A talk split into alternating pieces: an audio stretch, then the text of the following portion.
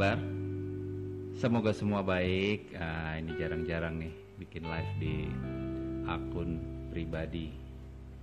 Gimana semuanya? Hari ini bakal seru banget. Halo Freddy Franz, pertama join dia, mantap. Uh, Devi Kri, suruh Ben Uranata juga udah join. Jadi malam hari teman-teman kita akan ngobrol dengan salah satu sahabat saya, eh, MC, terus worship leaders, public speakers, penyanyi juga, pemilik uh, sekolah belajar, bimbingan belajar salah satu di Jakarta. Pokoknya anak muda ini anak muda serba bisa. Jadi malam ini kita mau ngobrol-ngobrol santai aja. Uh, mudah-mudahan teman-teman juga banyak uh, terinspirasi dari anak muda yang satu ini. Ruben Nuranata. Kita masih waiting. Halo The Voice Talent, Benny Bean dari Bali. Selamat bergabung. Nah ini. Halo. Halo. Eh, mantap suaranya keren. Apa, Apa kabar Karisto? Aduh, Apa saya panggilnya Pak, aduh. Mas, ah, Kak. Jangan lah. Kak aja, Kak. Aku panggil kamu Koh. Koh Ruben karena dulu eh putus nih sinyalnya. Muter-muter. Nah ini udah on. Gimana sinyal di sana bro? Sinyal aman. Ah, itu so far okay, aman udah sih. okay. udah ya? Udah. Tadi gambarnya agak berhenti berhenti. Sekarang udah oke. Okay. wajahnya kelihatan udah jelas. okay, ya? agak gemukan ya? Masa sih? Enggak. Enggak ya? Ini angle angle angle. Enggak betul, betul. Nah itu salah satu topik yang mau kita pelajari itu ya malam hari dari lo ya soal angle ya. Dengar-dengar kan orang harus ada angle, angle ya? apa tuh? The best angle-nya ya dari kiri, dari kanan gitu. Apa kabar Ben? Baik, baik, baik Aristo. Aku panggilnya Mas, Thank Pak. Kak aja Kak. Kak, Kak ya. Mm -hmm. Aku memang biasa panggil Kak Aristo. Di, iya, pengennya dipanggil nama sih, cuma nanti takut disangka lo seumuran gue sama gue gitu. Gimana Padahal gue lebih gimana Padahal gue lebih muda. Uh, baik baik sehat. Gimana Karisto sehat? Sehat sehat semua. Thank you sebelumnya ya. nih iya. udah bersedia Sama-sama. dari kesibukan lo ngobrol-ngobrol santai. Karena apa? Di saat-saat seperti ini kan banyak orang nggak bisa keluar rumah ya pegangan iya, HP betul. terus. Betul Jadi, betul betul. Sementara di dunia internet itu kan nggak semua positif ya. Iya, ya itu, kita mesti pilah-pilah nah, lah, betul. Betul. Nah, aku cuman pengen ngambil bagian ke yang positifnya supaya seimbang, supaya orang ada pilihan. Setuju. Ngomong? Setuju. Ngomong apa kita, Ben? Ngomong apa? Banyak lah. Aku juga banyak yang mau ditanyain nih, ya kan? Aduh, because Uh, apa namanya kita terakhir kita ketemu tatap muka kapan ya? Beberapa bulan yang lalu kayaknya ya nggak kapan ya? iya. ya? Udah lama. Iya, kita ya makan kan? makan di di kokas ya, di gope itu ya. Kokas, kayaknya di kokas. Yang terakhir yang kita, ingat kita mau... ketemu uh, hmm? apa itu uh, ambil sepatu ya? ambil sepatu di. Ambil sepatu. Oh di iya, kokas. betul. di kokas juga. Iya kan? teman-teman mesti tahu kita berdua nih kutunya kokas. Jadi tiap ketemu di kokas ya. Di kokas, kokas. ya.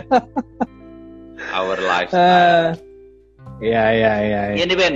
Mau nanya lo kan dari udah berapa lama ya gue kenal lo ya? Udah 10 tahun lebih ya. Uh, gue lihat tuh lo ya, tuh lebih. anak muda yang sangat berbakat lah di banyak banyak hal gitu. Karena nggak banyak juga sih anak muda yang mungkin punya kemampuan uh, bakat sebanyak lo gitu lo. Bahasa Inggris lo jago ya kan? Manajemen jago Bisa nyanyi bago uh, public speaker jago MC aduh, di banyak aduh, aduh, aduh. di acara-acara besar gitu. Nah mungkin kita ngomongin public speaking dulu deh kan boleh boleh teman-teman yang teman-teman yang sekarang pengen tahu tuh secara praktis lah apa sih public speaking itu karena banyak orang yang gue dengar katanya ketakutan terbesar kedua adalah yeah. dari semua manusia itu takut untuk bicara depan umum. Yeah. Padahal sekarang nih di masa pandemik justru kalau nggak salah mereka harus banyak bicara depan umum melalui Zoom misalnya. Iya, meeting meeting ya kan. Yang, yeah. yang dulu mereka di, di kantor di kantor mungkin cuma di cubicle-nya aja ngomong ke sebelahnya gitu kan. Iya. Sekarang tahu mereka harus report. Nah, boleh nggak Ben sharing dikit Ben? Menurut lo menurut pengalaman lo public speaking itu apa sih? Kenapa begitu menakutkan? Uh, uh, uh, before that, I would like to say thank you, Karisto udah bisa join di Instagram live-nya ini. Uh, deg-degan asli. Kenapa? Karena uh, separuh perjalanan saya belajar tentang public speaking itu saya belajar dari Karisto sebenarnya, gitu. Dan sampai sekarang pun juga saya masih banyak belajar dari Karisto. Bagaimana menyampaikan sebuah cerita uh, menyambung dari sebuah topik ke topik yang lain dengan barang benang merah yang utuh gitu itu satu hal yang terus terang saya masih uh, terus belajar dari Karisto gitu ya tapi uh, yang menjadi uh, keuntungan buat saya adalah saya uh, sebelum aktif sebagai entrepreneur ya mengelola bisnis uh, belajar ya? bimbing ya sekolah ya, belajar bimbingan belajar.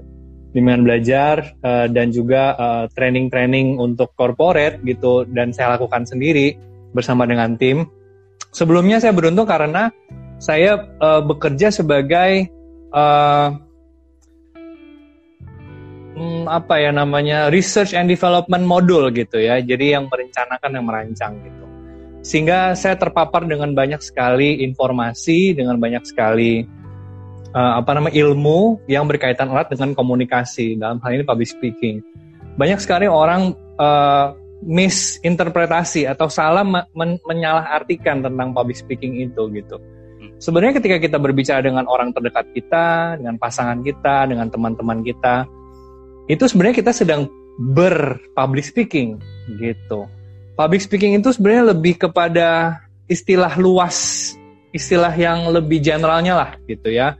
Tapi saya lebih suka uh, masuk ke dalam konteks yang lebih dalam lagi. Public speaking menurut saya pribadi adalah membangun hubungan. Jadi adalah ilmu membangun hubungan gitu. Nah, karena komunikasi itu jadi bagian dari membangun hubungan tersebut gitu, makanya membuat komunikasi itu menjadi sesuatu hal yang baik itu jadi PR-nya gitu ya. Hmm. Jadi salah satu uh, challenge-nya lah gitu ya. Nah, uh, yang menghambat seseorang uh, untuk takut karena mi, untuk takut public speaking ini karena misinterpretasi ini, kesalahartian ini gitu. Hmm. Padahal ketika kita berkomunikasi dengan pasangan kita lah contohnya ya, di masa pandemik ini kan biasanya kalau di kantor gitu jauh lebih lama waktunya daripada di rumah yeah, ya. Yeah. Sekarang di rumah dua bulan ketemu tiap hari gitu kan. Yeah, yeah. Jadi uh, apa namanya komunikasinya semakin intens dan hmm. peluang untuk terjadinya konflik itu lebih besar daripada yeah. keadaan sebelumnya gitu. Nah ini yang salah gitu. Orang selalu berpikir bahwa public speaking ya saya berbicara depan banyak orang, berbicara depan umum hmm. depan banyak orang. Padahal ketika kita berkomunikasi dengan pasangan kita, dengan orang terdekat kita, dengan uh, adik kita gitu ya, uh, dengan anak-anak kita, dengan siapa pun orang terdekat itu sebenarnya kita sedang public speaking. Kenapa? Karena memang yang digunakan di dalam public speaking itu sebenarnya kita sedang berkomunikasi. Komunikasi itu kan seharusnya generik ya, maksudnya tidak dibuat-buat yeah. gitu loh. Hmm. Harusnya nature aja gitu loh. Makanya menurut saya public speaking adalah sebenarnya membangun hubungan gitu. Hmm. Tapi saya mau men mengartikannya dengan lebih sederhana aja karena yeah, yeah. ya biar biar nggak terlalu menakutkan lah gitu ya. Betul, karena betul, itu betul. jadi satu hal yang ya, menakutkan gitu. Bikin jadi praktis saja ya, nggak nggak jadi teoritis yang bikin orang lain betul. jadi mungkin kebanyakan di pikiran dia sebelum dia melakukan karena iya. terlalu banyak teori gitu ya. terus, iya betul betul. Uh, Terus apa lagi ya kalau kalau menurut saya sih kenapa itu jadi satu hal yang takut adalah karena begini kita ini selalu berpikir tentang uh, kenapa uh, saya kenapa um, atau efek dari kesalahan kita berkomunikasi atau uh, kenapa kita salah? Nah itu pertanyaannya gitu ya. Ya ya. Kenapa Kok saya salah? bisa salah sih gitu? Kenapa salah gitu kan? Uh, lalu ketika kita salah di dalam culture kita, di culture culture kita di, di Indonesia gitu ya, uh, saya nggak tahu uh, apa namanya, mungkin pendengar-pendengar kita nih yang uh, menyaksikan ini uh, punya pengalaman yang uh, mungkin sama dengan saya gitu ya. Waktu kecil itu kan kita belajarnya satu arah ya, gitu ya. Yeah. Iya, uh, tidak ada ruang atau jarang sekali ada ruang untuk kita membuka diri untuk berkomunikasi, untuk menyatakan pendapat kita gitu ya. Biasanya kalau di SD saya ingat banget di SD, oke okay, tangan yeah. ditaruh di atas meja gitu, mendengarkan gitu loh. Um, duduk dan, manis gitu ya. Yes betul duduk manis gitu. Bahkan, Sehingga sorry, potong. waktu ya. di SD tuh, gue ingat banget kalau udah disuruh maju ke depan untuk misalnya ngomong apa pun, udah pada ketakutan tuh anak-anak. Betul gak sih sampai sekarang nggak? Jadi kalau di zaman gue untuk duduk di bangku depannya udah takut. Jadi yang datang belakangan tuh selalu eh, yang datang duluan selalu dia berebutan kursi di belakang gitu. Apalagi kalau disuruh maju ke depan. Mungkin itu nggak yang bikin banyak orang sekarang jadi takut gitu loh untuk bicara di depan banyak orang. Nah ya ya ya ya mulai on lagi. Tadi agak putus. Suara gue dengar ya. kedengeran nggak tadi? Ya. Jadi Enggak, tadi gue tadi gue bilang apa uh -uh. zaman kita kecil SD itu kan pada takut untuk duduk di barisan depan yeah. kelas iya yeah. kalau datangnya duluan buru-buru cari yang di belakang Iya kan terus kalau disuruh banget bener kan disuruh maju nyanyi itu takut semua pada ketakutan yeah, yeah. gitu apa itu ada hubungannya iya. nggak yeah. sih Ben sama yang sekarang orang-orang tuh suka takut gitu apa sebenarnya yang mereka takutkan kalau dia berdiri di depan umum katakanlah di meeting lah mungkin 10-20 orang gitu nggak usah ngomong hmm. jadi MC di ribuan orang kayak Ruben nih tapi cuman ini dia jadi ketakutan keringet itu apa sebenarnya yang mereka takut sebenarnya karena persepsi orang lain atau penilaian orang lain terhadap uh, hmm. kita ya gitu itu yang yang yang sebenarnya natural sih gitu maksudnya sebenarnya itu wajar hmm. tetapi kita jarang sekali untuk acknowledge itu untuk mengakui itu gitu jarang untuk jujur dan terbuka bahwa oke okay, saya on the spot gitu ya. Saya siap untuk terima uh, masukan siap untuk terima input. Hmm. nah di kultur kita di Indonesia tuh nggak nggak ada ruang untuk itu gitu. Untuk membuka diri untuk untuk menyatakan pendapat kita gitu ya. Jadi uh, karena sistem pendidikannya seperti itu lalu latar belakang uh, apa namanya budaya kita juga uh, apa namanya seperti itu jadi tuh membuat kita tuh nggak apa ya nggak nggak nggak terbuka nggak nggak open sehingga itu terbawa di kultur ya di di, di kondisi kita sekarang. Maksudnya uh, ya di, di di beberapa momen di mana kita harus public speaking misalnya atau presentasi sederhana presentasi ide saja ya itu jadi challenge gitu ya. Karisto pasti ngalamin gitu. banyak sekali yang iya, harus iya, di break kan. Mental mental blocknya tuh banyak sekali yang harus di break gitu loh. Ya saya tidak menyalahkan sistem pendidikan hmm. atau kultur yang ada. Tapi memang ya itu harus kita harus kita rubah cara berpikirnya. Ya kita bisa lebih yeah. baik lagi melihat uh, public speaking yeah. dari dari kacamata yang berbeda gitu. That's what I think ya. Yeah, sekarang soalnya di sosial media nih kan kelihatan tuh betapa dulu orang tuh terkekang atau mungkin nggak nggak bisa mengekspresikan dirinya kan Makanya orang sekarang dengan jempolnya itu kan ngomongnya sembarangan banget tuh kadang-kadang di sosial media kan. Betul. Gak semua tapi kebanyakan dengan jempol. Nah, Betul. kalau mereka sampai jadi kalau ada yang bilang mereka takut tampil, enggak juga. Sebenarnya semua orang pengen tampil tuh dengan jempolnya dia kan, Betul. kasih komen. Betul. Tapi begitu Betul. udah ketemu, jadi takut semua kan? Iya, ya betul. Kalau ketahuan betul. mukanya ini takut semua. Iya. Waktu iya. ya banyak cerita lah, jempolnya kayaknya galak banget ya gitu yeah. ketangkep atau diekspos gitu dia jadi ketakutan gitu loh. Iya, itu iya. Menarik juga ya. Menarik, menarik Menurut. banget. Uh, apa? Ya itu karena kita tidak terbuka, kita diajarkan untuk uh, kita tidak diajarkan untuk hmm. uh, berar membuka argumentasi gitu ya, hmm. secara tatap muka. Sehingga ya itu lebih lebih galak di sosial media, lebih galak di yeah. jempol gitu ya daripada tahu. Itu sih ada pertanyaan yang... bagus nih. Ada okay. pertanyaan bagus dari Henrikus Kedong. Ini teman gue yang tinggalnya di Maumere, di Flores. Uh. Wow. Jauh kan? Dia bertanya, Jauh. Hai Pak, boleh tanya bagaimana tipsnya kalau kita jadi MC di satu acara gitu kali ya, biar konsep yang sudah kita siapkan tidak kelewat terus. Terus kadang-kadang di panggung suka blank. Gimana caranya supaya yang menghilangkan blank itu Ben? Nah, lo pengalaman lo jadi MC nih. Uh, uh, pengalaman saya Uh, saya bisa cerita mungkin yang uh, pengalaman saya terakhir ya. Saya MC untuk uh, event internasional yang diadakan di Jakarta.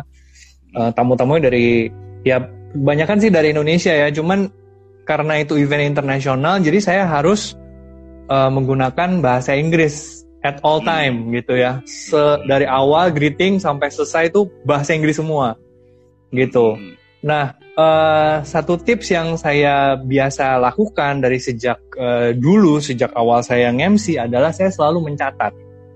Hmm. jadi saya punya buku ya, ya saya punya buku dan saya selalu mencatat semua gitu tentang itu sebelumnya uh, mencatatnya sebelum betul, ini sebelum mulai. Mencatatnya ya sebelum mulai. Jadi semua kata per kata itu dipersiapkan dengan baik gitu ya. Hmm. Karena waktu itu pengalamannya adalah karena bahasa ibu kita kan bahasa Indonesia ya bahasa bahasa bahasa Inggris bisa tapi hmm. kalau dalam jangka waktu yang panjang tuh kan suka ngeblank juga ya gitu ya betul, betul. makanya kita perlu uh, merencanakan itu semua kata kuncinya adalah merencanakan dengan cara menulis setiap kata yang kita mau sampaikan.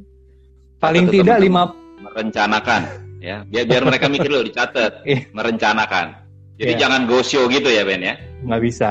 Ya, nggak bisa. bisa. Harus direncanakan. Nggak bisa. Lanjut, Harus direncanakan. Direncanakan dengan cara mencatat kalau bisa kata per kata. Kenapa? Hmm. Karena itu akan membantu kita pada saat ada di atas panggung untuk membantu kita untuk tidak blank paling nggak kalau kita blank kita bisa langsung balik lagi nih ke peta hmm. yang sudah kita buat gitu hmm. nah kenapa kita blank karena kita kebanyakan mikir hmm. ngelihat ekspresi orang. Ya, nah, kok diem betul, aja ya. apa dia apa dia lagi mikir ke mana nih gitu? Apa apa apa nggak nyambung? Apa kurang menarik? Hmm. atau ketika kita lagi nge-MC tiba-tiba ada orang yang sibuk sendiri gitu ya dengan ininya. Kita nggak perlu terganggu gitu. Nah ketika kita mas gitu lewat. ya bisa jadi distraction juga itu ya ya distraction juga jadi ketika terus ada yang apa ada yang pakai kamera mungkin foto terus flash oh. gitu mungkin ya ya ya iya. itu bisa saja terjadi gitu hmm. nah lalu ketika itu terjadi kita mulai berpikir nah uh, otak kita itu kan apa ya mudah sekali terganggu sebenarnya gitu ya hmm. uh, mudah sekali terganggu dari mulai uh, getaran handphone kita misalnya dari mulai yeah. gerakan apa segala macam gitu loh nah untuk mengurangi kita agar tidak blank ya biar nggak ketahuan ngeblank biasanya kalau saya ngeblank tuh saya langsung baca hmm. gitu jadi arah pandangan saya langsung ke skrip ini yang tips yang praktis ya yeah, gitu yeah. untuk langsung ke skrip oke okay, abis ini apa lanjut ke mana jadi memang hmm ya harus harus seperti itu sih. Nah dan mesti dilatih terus karena itu nggak bisa muncul begitu saja gitu. Dan yang kedua, rencanakan berlatih, berlatih gitu. Oke, oke. Kunci kedua itu. Ah. Ada pengalaman menarik gak sih Ben? Kan beda nih kalau lo jadi MC di event uh, corporate gitu ya yang besar hmm. tadi sama lo hmm. jadi MC di apa pernikahan misalnya kan lo sering banget ya. tuh jadi MC di pernikahan. Ada pengalaman menarik lo nggak yang mungkin interesting gitu loh yang lo nggak pernah lupa selama ini? Pengalaman yang menarik uh, ini kejadiannya udah lama sekali uh, yang saya nggak pernah lupa. Hmm. Itu saya dimarah-marahin pakai bahasa Mandarin yang saya nggak tahu artinya apa. Jadi acara apa tuh acara apa? acara pernikahan. Jadi pasangannya ini hmm. uh, uh, saya lupa perempuannya kalau nggak salah dari dari apa mainland China gitu ya dari dari mainland China terus uh, orang tuanya datang ke kawinan kita apa ke ya datang lalu uh, ketika saya harus jadi ini udah hampir selesai sih sebenarnya hmm. kejadiannya uh, kan kita harus panggil ini ya uh, untuk foto ya gitu ya, ya keluarga untuk foto gitu ya biasanya kan gitu kan nah kalau di Indonesia kan teman-teman dulu gitu kan. Yeah, iya. Kenapa? Yeah. Karena ya teman-teman mau pulang, mau apa, karena keluarga yeah, bisa yeah. lebih lama. Ya itu alasan utamanya. Yeah, yeah, yeah. Lalu tiba-tiba saya panggil nih grup teman dari uh, mempelai gitu kan, grup teman satu. Udah selesai grup temen dua.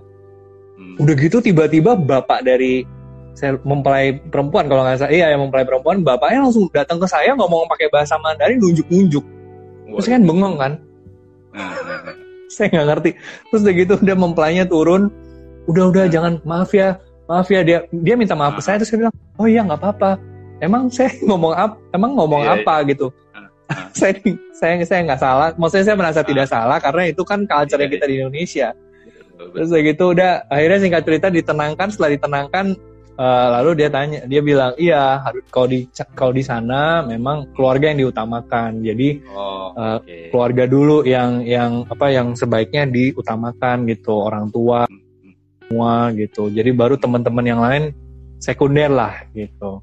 Hmm, terus saya bilang oh ya udah oh oke okay. jadi saya ngerti gitu paham yeah, sejak yeah, saat yeah. itu setiap wedding ya saya pernah selalu tanya jadi apa uh, pada saat pernikahan pun kan biasanya itu persiapannya panjang tuh. Lo pasti ketemu dulu urutannya gimana dan seterus-terusnya. Itu masih bisa terjadi ya seperti itu. Wah sinyalnya agak terganggu nih di Ruben. Gambarnya lagi muter-muter. Semoga tersambung lagi kita. Ini ada beberapa pertanyaan nih. Kita tunggu.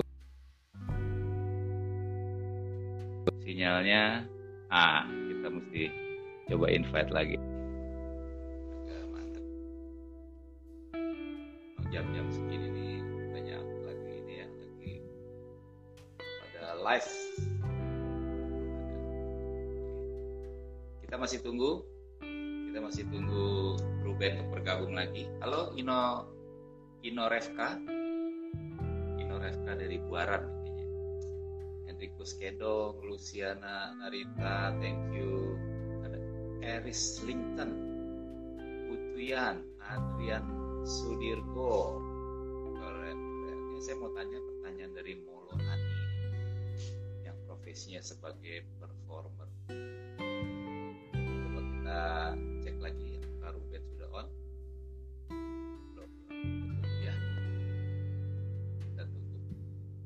teman-teman kalau mau tanya-tanya topik kita hari ini soal public speaking soal apa? Eh jatuh kan.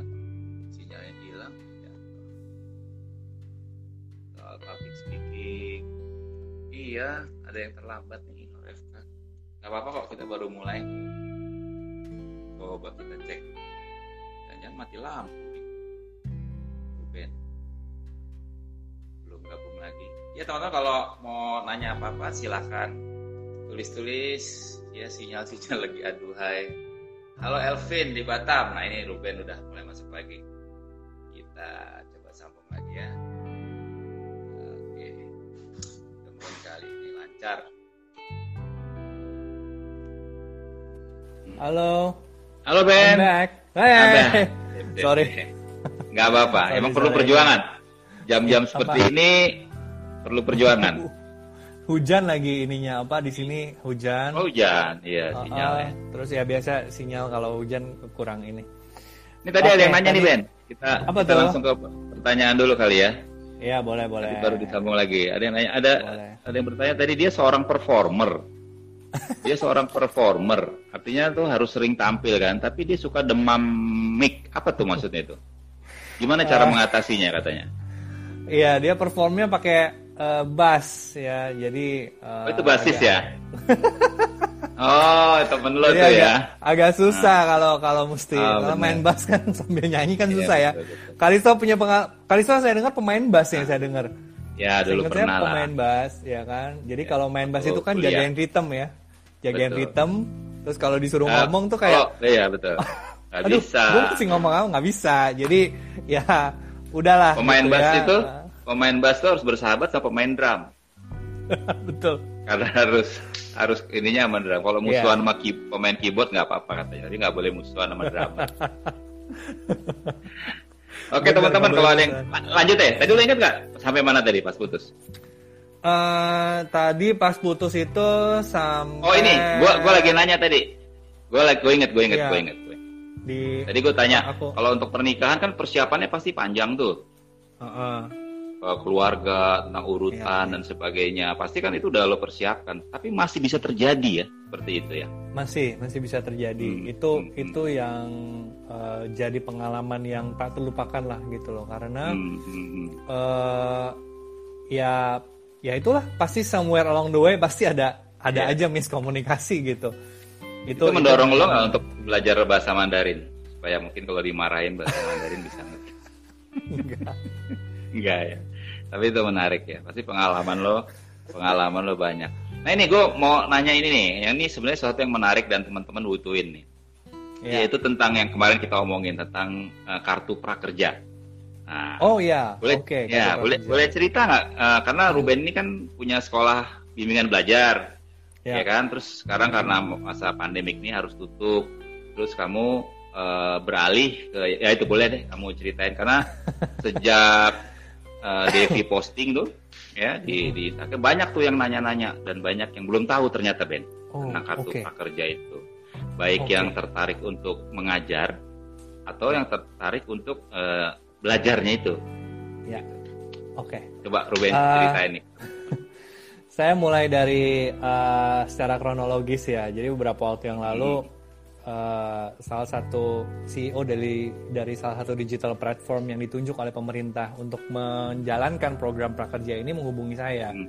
Hmm, hmm. Karena saya karena kita sempat ngobrol cukup intens tentang uh, pendidikan di Indonesia dan vocational hmm, hmm. education yang peluangnya cukup besar di Indonesia gitu ya. Hmm, hmm, Jadi dia kerjasama dengan uh, kementerian perekonomian lalu uh, mulailah kartu prakerja ini gitu memang awalnya target kartu prakerja ini untuk yang baru lulus kuliah ya dan hmm. yang sedang mencari kerja maksudnya hmm. di antara pekerjaannya dia resign hmm. terus dia lagi cari kerja hmm. dan uh, yang ketiga adalah ya orang-orang yang working class yang benar-benar mau mendapatkan uh, ilmu yang mau mendapatkan oh. uh, pekerja apa ilmu untuk mendukung pekerjaannya gitu nah oh jadi sorry uh, jadi program belajar ini bukan melulu hanya untuk yang baru di PHK atau mencari pekerjaan. Enggak. Enggak. Oke. Okay, jadi memang okay. Uh, eh, lebih lebih jadi lebih spesifik lagi yang lulus kuliah itu juga boleh, hmm. yang lagi cari hmm. kerja boleh, yang di PHK juga boleh. Nah, tiga ini, ini adalah Sorry, hmm? program pemerintah ini ada se dari sebelum uh, corona atau baru Betul. meluncur dari sebelum corona ya? Dari sebelum corona.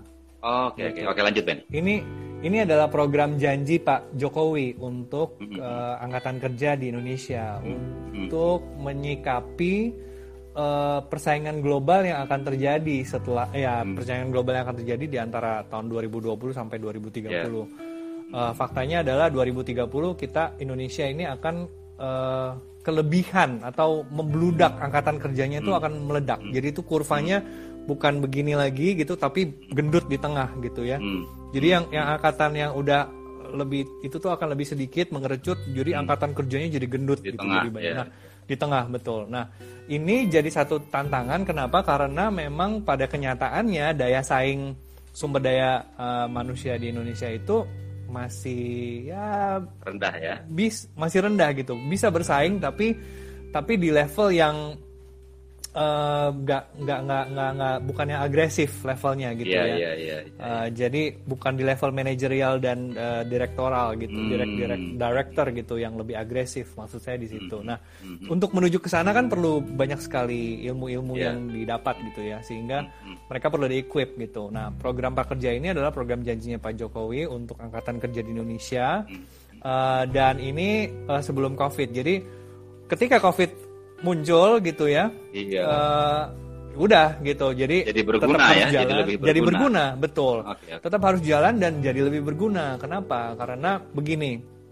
Pemerintah melihat bahwa banyak sekali yang di PHK, banyak sekali yang dirumahkan. Ya, betul, betul, betul. Jadi sebenarnya tuh program ini adalah program tatap muka, Kak. Jadi hmm. program kita uh, sewa tempat, kita training. Tadinya nih ya. Tadinya.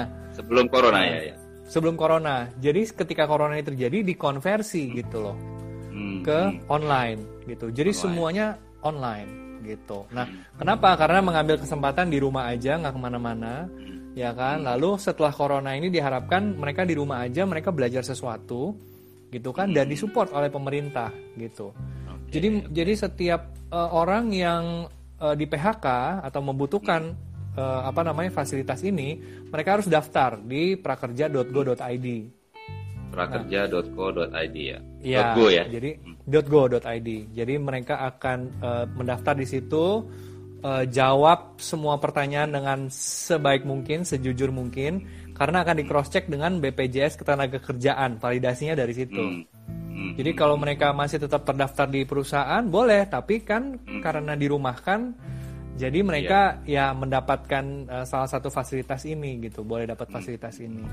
Nah, uh, singkat cerita uh, itu kalau dijelaskan cukup panjang, tapi begini, setiap orang itu yang mendaftar kartu prakerja akan mendapatkan uh, digital money, ya, digital okay. money seharga satu juta, satu juta digital money-nya. Digital money-nya ini harus dibelanjakan gitu. Okay. Harus dibelanjakan okay. untuk membeli kelas-kelas di digital platform yang sudah ditunjuk, ditunjuk gitu oleh okay. Uh, apa namanya oleh pemerintah gitu ya. Ada Tokopedia, ada Bukalapak dan saya kebetulan di approach uh, oleh mau belajar apa. Nah, okay. mau belajar jadi, apa? Mau belajar apa.com gitu ya. Ini salah satu yang platform digital yang ditunjuk. Hmm. Nah, lalu uh, mereka harus membelanjakan uh, itu seharga satu juta. Kalau mereka uh, kurang dari satu juta boleh, tapi dengan syarat mereka harus mengambil kelas minimal satu kelas dengan durasi 4 jam. Oke. Okay. Jadi satu kelas itu durasinya 4 jam. Boleh satu hari, boleh dua tiga hari. Hmm. Gitu. Nah, di dalam kelas ini setelah mereka eh, mendaftar kelas, mereka selesai kelas, lalu mereka akan dapat uh, validasi berupa uh, sertifikat uh, sertifikat of attendance gitu ya, dapat hmm, sertifikat hmm, bahwa mereka hmm, sudah mengikuti kelas ini, belajar. sudah ikut belajar. Lalu setelah mereka uh, belajar, mereka akan mendapatkan tunjangan 600 ribu satu minggu wow. selama satu bulan. Jadi dapatnya 600 ribu, uh, 600 kali empat 600 kali 4, betul, hmm. 2,4. 2,4 nah, juta dari pemerintah. Ya, 2,4 dari pemerintah plus uh, apresiasi atau insentif uh, sebesar 200 ribu karena mereka sudah menyelesaikan uh, kelas-kelas tersebut gitu. Jadi itu totalnya tuh 3,6 tapi satu jutanya itu uh, untuk kelas. Jadi mereka dapat bantuan langsung tunainya 2,6. Ini nggak peduli mereka udah dapat kerja atau belum ya setelah itu? Nggak peduli jadi oh, uh, pokoknya mereka daftar gitu ya pokoknya mereka daftar hmm. mereka akan ada pertanyaan pokoknya daftar aja hmm. kalau mau ikut ada banyak ribuan kelas yang bisa dipelajari yang bisa diikuti yeah, yeah. gitu ya lalu nanti bisa uh, apa namanya dapat tunjangan tersebut gitu loh Oke, jadi, jadi gua rangkum dikit nih buat teman-teman yang baru join. Jadi setelah ya. orang daftar ke kartu prakerja tersebut ya, Ya, Setelah dia ya. di di approve gitu ya, dia akan dapat dana digital satu juta rupiah nilainya ya. ya. Mm-hmm. Terus dia harus gunakan itu untuk ambil kelas-kelas belajar online itu ya. Betul, betul sekali. Oke. Nah, setelah dia menyelesaikan belajar online itu, dia akan dapat dari pemerintah juga di dari kartu prakerja 600 ribu per minggu selama satu bulan. Per minggu, ya. Oke, ya. tanpa mereka harus sudah dapat kerja dulu. Jadi mereka dapat tunjangan mm-hmm. hanya karena mereka telah belajar. Ya. Kira-kira gitu, Ben? Oh, ya, betul. Mantep banget ya. Nah, setelah banget. satu bulan itu, setelah satu bulan apa tuh? Setelah satu bulan, ada lagi ya? Uh, kalau mereka mau ikut lagi, mereka bisa mendaftarkan lagi. Jadi ada ada jadi untuk hmm. penanganan COVID ini khusus untuk COVID ini ada lima kali pendaftaran, lima kali oh, gelombang. Lima kali kesempatan. Jadi yang betul ada lima kali kesempatan gitu. Tapi mereka memang harus daftar per gelombang. Gelombang satu, gelombang hmm. dua, gelombang 3, gelombang 4, gelombang 5. Jadi mulai April, Mei, Juni, Juli, Agustus. Jadi terakhir hmm. Agustus. Khusus untuk COVID ini ya. Oke, oke. Gitu. Nah, pendaftarannya setiap bulan itu. Jadi ini soalnya teman-teman pasti bulan. banyak yang lagi dengar punya saudara atau dirinya juga baru di PHK, belum banyak yang belum tahu nih soal uh, program kartu prakerja ini. Jadi pendaftarannya setiap bulan dibuka. Betul, pendaftarannya setiap bulan dibuka. Hmm hmm, gitu. Hmm, Jadi uh, kalau ini pendaftaran bulan Mei sudah selesai karena ada periodenya. Hmm. Uh, jadi kayaknya nih setelah Idul Fitri akan dibuka lagi untuk gelombang ketiga. Dibuka lagi. Semua online ya pendaftarannya? Semua online, semua online. Validasi semua online. Persyaratan tertentu nggak tuh Ben untuk daftar? Mungkin ada misalnya ada teman gue nih baru di PHK karena COVID gitu ya, dia tinggal di satu hmm. tempat, terus dia mau daftar. Hmm. Nah, yang lo tahu ada ini nggak apa misalnya kartu keluarganya atau harus sudah bayar ya. PBB atau yang gitu-gitu? PBB nggak perlu, yang penting ada KTP aja. Wah, warga negara Indonesia, KTP gitu ya, terus alamatnya jelas, uh, kartu keluarganya di mana tinggalnya. Jadi memang uh, apa namanya ya sebenarnya nggak nggak terlalu sulit sih uh, persyaratannya yeah, yeah. gitu. Yang penting uh, mereka bisa akses aja prakerja.go.id WNI punya 18 tahun kalau nggak salah minimal 18 tahun. Karena itu setelah kuliah kan pasti ya. Lalu tidak sedang menempuh uh, pendidikan S2 pendidikan lanjutan. Okay. pokoknya okay. Uh, dalam kondisi sedang ter terpengaruh ya dengan kondisi tidak uh, sekolah gitu uh, artinya? Ya uh, uh, tidak sedang sekolah lah intinya. Tidak sedang sekolah oke okay, oke. Okay. yes. Menarik banget tuh Ben. Banyak banget yang hmm. belum tahu tentang program ini Nah, sekarang yeah. yang gue mau tanya, lo kan sebagai edukator tuh di situ ya. Jadi yeah, lo betul. sebagai bagian dari platform yang yeah. memberi kelas pengajaran kepada teman-teman uh, tanda kutip pengangguran lah ya, yang yeah. lagi mau belajar gitu loh. Nah, apa sih yang lo lakuin gitu? Apa yang lo ajarkan atau apa gitu? Uh, latar belakang saya lebih kepada lebih banyak kepada komunikasi dan presentasi, lebih banyak ke public speaking, cuman lebih detailnya aja. Saya mau ambil yang lebih ceruk ceruk yang uh, masih cukup dalam gitu ya jaraknya ya, yaitu ya. komunikasi lalu presentasi dalam bahasa Inggris. Hmm. terus interview interview dalam bahasa Inggris gitu. Kenapa? Karena uh, interview dalam bahasa Indonesia easy. Hmm. tapi dalam bahasa yeah, Inggris nah, mengambil konteks yang, yang berbeda banyak nggak yang tertarik yang banyak yang tertarik uh, uh, jadi sejauh sebenarnya sejauh ini kelas-kelas yang uh, sedang berjalan saat ini saya sedang berjalan mengajar kelas presentasi gitu ya. Uh, kelas-kelas yang tadi saya sebutkan tentang uh, Inggris itu masih dikurasi di kementerian. Jadi masih okay. masih apa namanya perlu waktu untuk uh, diluncurkan gitu ya kelasnya. Nah ini ada yang uh, tanya jadi, nih Ben ya gimana? Sorry sorry. Ini aku potong dulu. Ada gue suka lupa soalnya. Ini ada ada ada kelas digital nggak untuk video maker gitu yang ada. Anak-anak muda. Ada, ada juga ada. Oke, keren ya. Ada, ada banget gitu. Jadi Jadi mereka bisa mitra, pilih ya. Hmm, Jadi setelah pilih. mereka daftar, dia perlu mereka bisa pilih kelas apa yang mereka mau. Betul, mereka bisa pilih. Oh, keren banget ya. Gitu. Jadi mereka bisa pilih kelas yang mereka mau apa. Mm-hmm. Kalau mm-hmm. saya kebetulan tergabung di uh, tim edukator yang mau belajar apa. Mm-hmm. Uh, karena saya di approach secara personal, jadi saya under mau belajar apa. Jadi mau belajar apa tuh punya beberapa guru juga gitu ya, dan saya salah satunya karena saya uh, karena institusi saya belum badan usaha maksudnya hmm. uh, secara kredibilitas masih belum uh, belum apa namanya belum uh, di diakui sebagai ya? badan usaha belum, belum legit gitu. gitu ya belum yeah, legit yeah, yeah. jadi uh, ya untuk um, untuk itu jadi saya ngobrol sama mau belajar apa gimana kalau saya tap in dengan teman-teman oh boleh mas yeah, langsung yeah, aja yeah, yeah. kita bisa buka kelas-kelasnya gitu nah kalau bagi teman-teman yang menonton ini atau ada teman-teman hmm. yang tertarik untuk mengajar sebagai edukator. Ya, gimana tuh? Kalau tadi kan uh, sorry aku potong. Tadi kan kita ya. ngomong soal yang pengen jadi belajar, pengen ikut program. Ya. Nah, sekarang ada beberapa teman-teman juga yang mungkin waktunya lagi banyak luang gitu kan Ben ya. Uh, dia punya ya. karunia mengajar, punya ilmu. Nah, ya. dia pengen terlibat jadi pengajar gitu. Gimana caranya, Ben?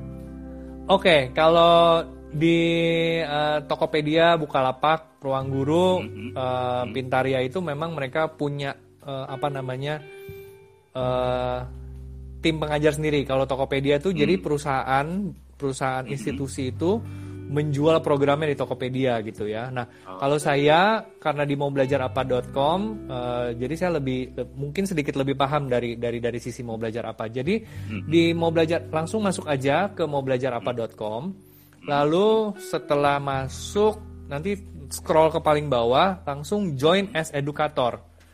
Oh, gitu. Join Bisa as join educator. as educator ya. Nanti akan dikurasi oleh mereka. Mereka akan kurasi, hmm. mereka akan tanya, akan ada email feedback, mereka akan ngobrol-ngobrol, chat segala macam. Jadi uh, tinggal ikutin aja prosesnya gitu. Kalau di mau belajar apa ya? Kalau di yang lain saya kurang paham. Pasti beda-beda gitu ya. Betul, hmm. mereka punya policy yang berbeda-beda. Tapi gitu. mungkin teman-teman bisa langsung coba aja ya ke apa websitenya iya. Platform mau, mau belajar apa belajar apa.com .com ya oke okay, iya okay, okay, okay. gitu ya, ya. jadi jadi bisa langsung uh, apa namanya bisa langsung daftar di sana karena kita hmm. karena program ini uh, karena program uh, satu periode jadi hmm. ini sebenarnya membutuhkan edukator yang banyak sekali di hmm. field yang uh, apa namanya yang spesifik gitu ya. Yeah. Ya, ya nggak boleh Jadi, terlalu luas ya, harus betul, betul siap pakai ya, betul, harus siap pakai. Betul. Aplikatif siap pakai, betul. Siap pakai. Jadi ya. bisa buat jalan keluar tuh buat teman-teman yang mungkin baru gabung ya, yang ya. lagi butuh iya, pekerjaan ya, boleh, atau apa boleh. gitu. Betul, betul sekali. Ini ini satu peluang yang baik sekali uh, karena uh, apa namanya? sebenarnya kan hmm, pemerintah maunya dikasih kail ya satu-satu gitu ya. Hmm, hmm, hmm. Uh, apa uh, kita nih kasih UMKM dikembangkan dan segala hmm, hmm. macam gitu ya. Uh, lalu maunya dikasih kail. Tapi hmm. banyak sekali orang-orang yang nggak tahu mau mancing apa gitu yeah. ya. Kalau kailnya salah, mancing ikannya salah kan kailnya patah gitu ya. Betul. ya. Ibaratnya kita mau jadi apa, kita mau jadi pengusaha apa, UMKM-nya fokusnya hmm. ke mana nih? Oh terus kita ambil kailnya salah gitu kan atau yeah, pendidikannya yeah. salah atau skillnya salah udah kita nggak bakal yeah, ketemu yeah, tuh yeah. gitu nah makanya dengan program ini uh, apa namanya dibuka seluas-luasnya hmm. agar pemerintah kasih lihat gitu loh bahwa hey ini ada ikan ini loh ada ikan itu loh yeah. kayak iya. tadi tentang digital ya ada digital hmm. loh ada ini ada ini ada bikin kopi ada apa segala macam gitu ya oh, okay. bahkan ada cara install Windows gitu really nah, Really? Really? Oh. Buat buat kita yang di kota besar, yeah, yeah, yeah. buat kita yeah, yang di kota besar, betul. Udah easy. biasa ya. Udah biasa. Tapi pengalaman saya ketika saya mengajar waktu itu, itu ada saya ada ada loh murid saya yang belajar tentang kelas komunikasi itu belajar dari, dari pinggir pantai di Kendari di wow. Sulawesi Tenggara Kendari jadi mereka Pak mohon maaf ya kalau dengar deru wow. ombak dia bilang ini wow. saya dia dia screen apa screennya menghadap ke pantai ini saya lagi sinyalnya paling bagus di sini. Wow. Jadi dari pinggir pantai. Kebayang Jadi mereka, mereka belajar aks. Sorry, mereka belajar harus lihat muka ya Ben. Jadi lo sebagai ya. edukatornya harus lihat muka live ya. Harus. Oke okay, oke. Okay. Terus Ben dari mana aja murid-murid lo so far? Hmm. so far ada dari Palangkaraya, ada dari hmm. Tarakan, ada uh-huh. dari Kendari, ada dari Cirebon, hmm. ada dari hmm. Jakarta juga ada, lalu ada dari uh, yang hari ini tuh dari Padang uh, dari wow. Bukit Tinggi yeah, iya, gitu yeah, yeah. Uh, so it's gini kadang-kadang orang melihat ini gimana sih oh, cara down apa install Windows segala macam hey yeah, yeah, kita yeah. emang ngelihatnya sebelah mata gitu karena kita udah uh, dengan cepat tapi orang di sana yeah, belum tentu orang saya Iya, saya saya terbiasa menggunakan terminologi dalam bahasa Inggris untuk menjelaskan hmm. kayak misalnya public hmm. speaking gitu ya. Hmm. Public speaking itu kan kita udah familiar, tapi kalau saya men menerjemahkan ke dalam bahasa yang Indonesia kan jadi jadi jadi panjang ya. Yeah. Berbicara di depan umum gitu. Mm-hmm. Nah, penterjemahan kata-kata yang uh, apa namanya sesimpel itu juga buat buat saya tantangan gitu. Tapi buat mereka yeah. itu membantu sekali karena mereka nggak paham kan bahasa Inggris. Yeah. Buat Adik gue nih Ino, Ino Reva juga ini tadi kirim-kirim video apa tentang yeah. testimoni orang-orang yang tertolong banget dengan program kartu prakerja yeah. ini Ben dan yeah. ternyata memang yeah sangat bermanfaat ya. Betul. Sangat berguna sangat banget. Cuman yes. peminatnya atau mungkin sosialisasinya kali yang kurang. Tapi gue ya. dengar udah 9 juta ya yang ikut ya, 9 ya. juta orang. Uh, jadi dua batch kemarin itu kalau hmm. uh, info terakhirnya itu kurang lebih 9 juta. 9 juta hmm. orang yang mendaftar ya. 9 juta orang mendaftar. Hmm. Bukan uh, yang diterima. Tahu, yang mendaftar. Yang mendaftar, yang mendaftar diterima, orang. mendaftar diterima 9 juta orang okay. ya. Okay, Tapi yang mengambil kelas itu nggak nyampe satu juta hmm. orang. Jadi baru ratusan ribu orang. 500 ribu, okay. 400 ribu, saya lupa. Okay. Jadi memang uh, apa ya? Hmm, mungkin nggak nyampe 10 persen. Nggak nyampe 10 persen ya. Nyampe, nggak nyampe, uh, ya nggak nyampe 10 persen. Waduh sayang banget ya. Padahal kesempatan. Iya. Kenapa kira-kira mereka begitu? Apa uh, kan mereka dapat uang digital satu juta ini kan nggak bisa diuangkan kan, nggak bisa, bisa di cash kan? Nggak bisa, nggak bisa. Jadi mereka harus pakai untuk belajar kan. Iya. Menurut lo kenapa tuh dari 9 juta orang yang tertarik dan mungkin butuh, tapi ternyata cuma 600 ribu yang ambil kelasnya dan belajar? Nah ini ini sesuatu yang pertanyaan yang bagus, uh, hmm. tapi saya sulit jawabnya. Ya, tapi saya akan. tapi kalau kalau menurut saya sih dari yang saya lihat adalah menurut menurut menurut saya sih ada banyak sekali uh, apa ya mungkin dari uh, apa namanya dari gini uh, yang mengakses digital platform itu kan ada satu dua tiga empat tujuh ada delapan digital platform.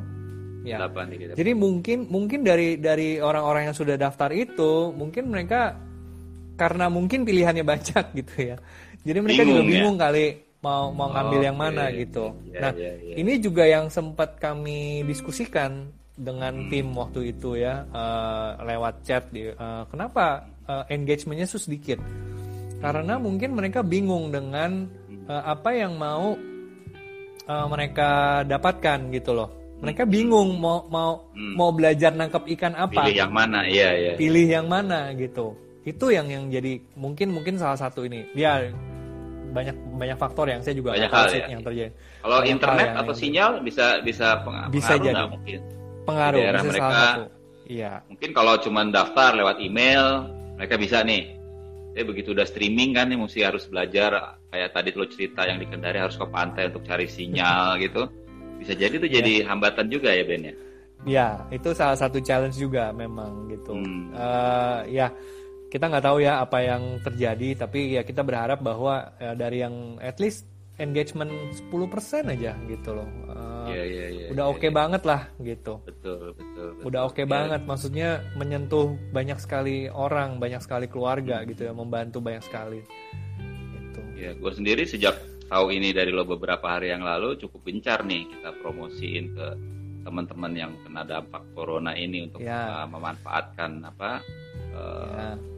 Program ini karena ya seperti tadi dia nggak harus harus masuk kerja dulu dia baru dapat uh, bantuan dari pemerintah kan dia hanya dengan dia ya. belajar bukti ya. dia menyelesaikan pelajaran dia udah dapat 600 ribu per minggu ya. selama satu bulan itu ya. bukan uang yang sedikit juga itu dana yes. dari pemerintah ya yes. betul ya, gimana mungkin teman-teman yang lagi dengerin sekarang juga bisa bantu tuh ya kayak itu ada ya. saya dari tadi dia kasih link-link terus ya ya teman-teman karena ya mungkin kita nggak bisa influence satu juta dua juta orang tapi kalau ada ini ada satu teman saya di Batam dia udah daftar katanya tadi baru dan tulis wow oke okay. tinggal tinggal nunggu verifikasinya iya iya tunggu karena uh, ya sistem ya kita kita kita memang harus nunggu gitu karena sistem komputer Atau mungkin kita kan yang bulan Mei udah habis kali ya uh, itu akan oh. otomatis masuk kok akan Jadi, otomatis akan otomatis bulan masuk. Juni Iya betul. Oto akan otomatis masuk ke batch berikutnya.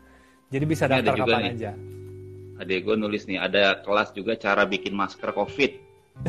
Iya. bisa diambil cara bikin ya. kue. Wah, itu luar biasa ya teman-teman. Banyak Benar. banyak sekali, banyak sekali. Kita kita nggak bisa apa ya, banyak sekali orang yang skeptis tentang program ini, tapi setelah hmm. saya uh, apa terjun langsung, masuk. mengajar mereka langsung, masuk di dalamnya, saya ngeliat ini bermanfaat sekali karena uh, apa ya, bahkan ada uh, ojol yang sambil nyetir sambil eh, really? uh, belajar gitu. Really, really. Oh, iya? Mereka, Pak, sebentar ya saya ke, Gila, saya ya. nganter ini dulu. Nganter gitu udah dia Hah? cabut earphone dia taruh terus dia jalan sedikit, dia duduk di pinggir jalan, dia perhatikan saya. It's like oh, sesuatu okay. yang luar biasa ya. Wow, amazing gitu. Luar Jadi, biasa sekali. Sebenarnya di bangsa kita tuh orang-orang yang mau belajar cukup banyak ya. Banyak. Banyak. Ya, sekali. cuman kadang-kadang kalau kita lihat majority-nya kelihatannya kan pengennya semua serba instan tapi seperti yeah. supir ojol yang kamu cerita yang dikendari sampai ke yeah.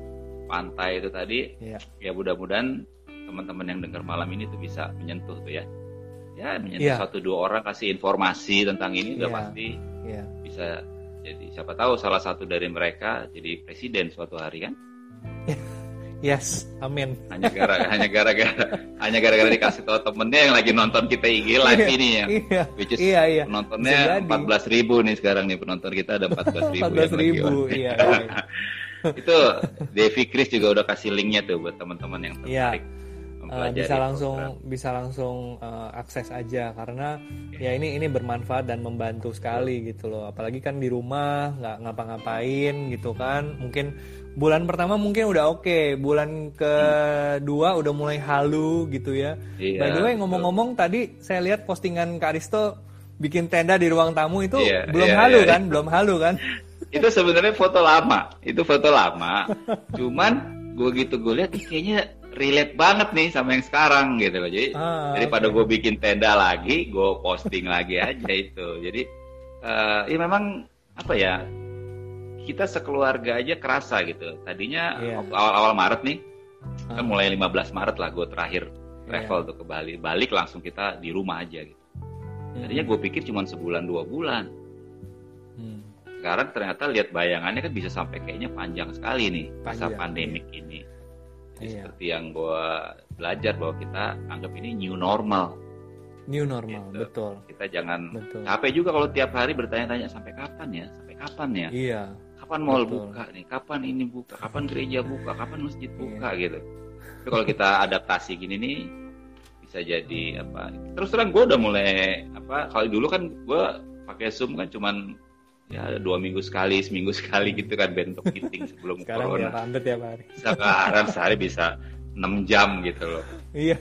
Tapi ya ya ya makanya kenapa kita ngobrol gini walaupun mungkin uh, follower kita nggak apa jutaan gitu tapi paling nggak ya. bisa menyentuh lah semoga ya iya kamu kan juga podcaster Ben apa nama podcastnya tuh Rup. namanya Rup Spot namanya Rup Spot Rup Spot uh, ya nah ya, Ben juga Spot. podcaster Uh, jadi ada di Spotify, silahkan bisa didengarkan. Iya, iya. Saya saya senang banget ngobrol dengan banyak orang gitu ya, termasuk dengan Karisto gitu. Nah, uh, nyambung dengan tenda tadi posting tadi oh, itu pasti pasti kangen ini ya pasti kangen iya, naik gunung ya. kangen gunung. Iya iya, iya. kangen. Ada nggak uh, ini gantian nih ya aku yang aku yang tanya boleh, ya boleh, gantian ya. Boleh boleh, boleh. gue yang nanya nih.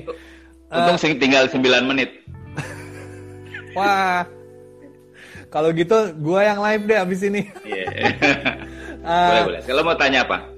gue mau nanya uh, ada nggak pengalaman kenapa gunung? Satu kenapa gunung? Karena saya ingat juga Karisto tuh suka dengan pantai juga gitu ya. Maksudnya hmm. ya pan biasanya kan gini ya orang ya, suka pantai apa pernah gunung gitu, ya. ah, ya kita kan, pernah di Anyer cebur-ceburan terus terus. Uh, suka uh, gunung atau pantai gitu kan langsung hmm. gitu kan. Wah langsung dengan jawab uh, pantai. Lalu kita langsung bisa memframing orang itu. Nah berarti sukanya yang santai-santai hmm. ini. Gunung kan penuh tantangan gitu ya. Nah uh, kenapa gunung itu pertanyaan pertama. Nah kedua hmm. pengalaman terbaik apa yang dialami ketika naik gunung? Oke. Kenapa gunung? Nggak tahu ya. Jadi gue mulai suka naik gunung sebenarnya mulai suka alam sebenarnya. Jadi gue hmm. suka pantai dan gunung. Tapi kalau disuruh pilih gue lebih suka gunung. Gitu. Hmm. tapi semua yang serba alam gue suka. Gara-gara SD gue ikut pramuka. Itu awalnya Nah, di pramuka, pramuka belajar ya. hiking. Nah, pramuka zaman dulu beda sama pramuka zaman sekarang. iya. Pramuka zaman dulu betul kita di training gitu. Tali temali harus ini, harus punya tanda kecakapan khusus. Jadi nggak gampang gitu, nggak bisa beli seragamnya aja gitu. Nah, di situ gue mulai belajar. Jadi SMP gue udah mulai hiking, naik gunung, gunung kecil-kecil. Dan akhirnya ya uh, keterusan sampai kuliah paling aktif gue kuliah sempat ikut pendidikan uh, pendaki gunung khusus yang diadakan oleh Kodam Jaya waktu itu. Hmm sempat long march jalan kaki gue dari Bakaweni wah ada yang jualan. Di mana yang jualan? Tempat gue tempat jalan kaki dari Bakaweni jadi ya itu pertanyaan pertama. Kenapa gunung? Ya karena gue waktu ke SD itu mulai naik gunung. Yang kedua apa? Kedua, pengalaman. pengalaman terbaik. Pengalaman terbaik naik gunung. Pengalaman kenapa gue seneng berkesan. Nah. Karena kalau naik gunung itu yang dikalahkan diri kita sendiri. Nah, ya. Bukan gunungnya, bukan orang lain. Ya, ya uh, ada banyak sih olahraga yang seperti itu kayak misalnya golf, bowling itu kan yang dikalahkan diri kita. Jadi kalau kita lagi emosi jelek pasti main kita jelek. Iya betul. Nah di gunung pun begitu gitu. Gue merasa yang dikalahkan adalah diri kita sendiri. Bahkan gue dulu sempat waktu SMA tuh uh, mendidik adik-adik kelas naik gunung. Gitu. Dan waktu SMA gue kan ada orang-orang borju-borju gitu kan, yang baru iya, setengah iya. jalan itu wah udah marah-marah dia. Wah suruh bapak gue kirim helikopter nih gunung anjing. Dimaki-maki Ben gunung sama mereka gitu. Dan yang paling menarik kalau kita naik gunung itu eh, beberapa gunung sih ya gunung-gunung yang yang bukan pegunungan itu. Begitu kita udah deket puncak itu rasanya lama banget. Hmm. jadi pada saat kita naik semangat pohon-pohon masih tinggi tuh. Nah, begitu kita udah deket puncak eh, pohon-pohon udah mulai itu biasanya lama dan membosankan banget. Pertama kondisi kita udah capek. Kedua oksigen udah mulai menipis. Nah, di situlah kebanyakan orang-orang menyerah. Hmm. Gitu. Jadi, nggak gue belajar situ. Nah, gue seneng tuh yang begitu gitu, pengalahin walaupun memang semua pendaki gunung pasti merasakan tuh kalau kita naik gunung di satu titik kita nyesel duh ngapain sih gue capek-capek naik gunung begini selalu tuh itu selalu yeah. tapi begitu sampai di puncak ya sampai yeah. di puncak wah lihat pemandangan terus perasaan wah gue bisa ngalahin diri gue gitu pas turun lagi capek tuh eh begitu sampai kaki kita langsung ngomong kapan gunung yang lain kita mau naik lagi gitu. iya ya Mudah-mudahan jadi, jadi udah ke mana aja? Udah ke mana aja kali itu? Kalau Pulau Jawa sih hampir tinggi. semua gunung lah. Paling tinggi Semeru ya. Gue belum pernah Semeru, ya? gunung di Sumatera, Kalimantan tuh belum pernah, belum kesampaian lah. Rinjani belum ya? Rinjani udah. Rinjani udah. Oke. Okay. Terus ya Semeru sih paling tinggi ya. Uh, itu gunung-gunung baru belum nih malah nih karena kan ada gunung baru dibuka tuh Gunung Perahu namanya. Perahu, nggak begitu ya, tinggi dia ah, sekitar 1100-an hmm. sih dan cuma dua jam tiga jam tapi gue malah belum pernah. Ada ke ke hmm. ketinggian apa eh, pemandangannya katanya bagus ya ya ya lalu ngomong-ngomong tentang uh, ini tinggal berapa menit nih kita empat apa apa kita sambung lah minggu depan gitu kan ah siap kalau mau tanya apa cepetan nih buru habis waktunya uh, Nanti aja deh, soalnya gue butuh, gue butuh, gue butuh waktu yang lebih panjang karena okay. karena uh, seru. Sekarang lo deh, hobi, hobi lo apa? Hobi lo apa? Hobi, hobi. Hobi gue apa ya sekarang? Hobi gue tuh dari dulu sampai sekarang itu adalah mendengar orang bercerita. Okay. Nah, itu itu gue banget. Jadi gue duduk dengerin orang cerita, itu loh. Dari why itu itu membuat gue berasa lebih kaya, hmm. kaya secara pengalaman gitu loh. Jadi gue bisa belajar dari pengalaman orang gitu ya. Dari why saya seneng banget ngobrol sama Karisto tuh kayak kayak apa ya kayak kayak dengerin kakak ya? bendongeng lah ya. Kayak, kayak gue didongengin gitu. Gue kayak aduh kayak seneng banget Sampai ya hobi gue eh, hobi apa hobi, hobi lo hobi gue itulah hobi gue itulah uh, sama ya udah eh, itu sih paling uh, sama lari-lari jogging gitu ya hmm. Gitu. Tapi Ruben ini apa uh, ini loh seniman ya artinya lo tuh ya kayak gue lah gue juga di seniman. Tapi Ruben ini kan seniman yang menikah juga seniman. Istrinya Ruben ini adalah salah satu uh, female bassist pemain bass wanita terbaik the best lah di Indonesia. Jago banget. Gue yang yeah. pernah main bass gue tahu gitu loh. Siapa yang main bass yeah. jago emang enggak. Tapi Sheila is jago banget. Dan Ruben juga seorang ayah dari apa? Seorang anak ya Hans ya berapa tahun Hans? Iya uh, tahun ini enam tahun. Enam tahun. Tahun 2020 ini enam tahun. Iya. Thanks berat lo Ben. Thanks berat. Sama. Atas waktu lo ini tinggal sa satu menit nih satu menit lo deh kasih pesan-pesan buat teman-teman. Yang butuh. Boleh mm-hmm. Yang butuh yang butuh vocational education uh, cek mm-hmm. kartu prakerja uh, bermanfaat mm-hmm. banget please jangan mikir jangan ya oke okay, kalau kita mikir insentifnya it's good ya tapi hmm. pikir um, apa namanya edukasi apa yang bisa kita dapatkan selama masa-masa ini gitu itu sih pesannya kalau mereka mau cari kelas lo gimana tuh Ben carinya misalnya uh, mereka ikut cari uh -uh. Uh, cari aja masterclass by Ruben uh, masterclass by Ruben apa? Ya. MBA mau belajar apa mau belajar apa Judul kelasnya masterclass by Ruben. Yes. Teman-teman, semoga berguna itu tadi. Uh, sebenarnya intinya ya kartu prakerja sih ya kita mau memas yeah. menginfokan itu buat teman-teman yang yeah. lagi iya. butuh. Mungkin ada yeah. saudaranya atau dirinya sendiri atau adiknya, iya. kakaknya, yeah. teman dekatnya yang kena PHK di masa uh, COVID ini, manfaatkan program. Yes. Oke okay, Ben, thank you Ben. Thank you Karisto. Gak kerasa banget satu jam ya. Satu jam nggak iya. kerasa berapa lo ya. Iya. Kurang ya. Kalau di kokas kan kita sampai kokas tutup kan baru bisa. Iya sampai kokas tutup. Oke okay, Ben, thank you ya. Nanti kapan kita sambung lagi ya. ya. Salam buat Sila, salam buat Hans salam. juga. Ya. Ya, salam okay. juga buat semua di sana KDV okay. dan BIB okay. ya. Dah. Oke, okay, thank you. Teman-teman semoga berguna. Ini akan live juga nanti di uh, podcastnya Ruben dan podcast gua. Insya Allah ya. Oke okay, Ben, God bless you Ben. Thank you semua teman-teman. Sampai ketemu lagi.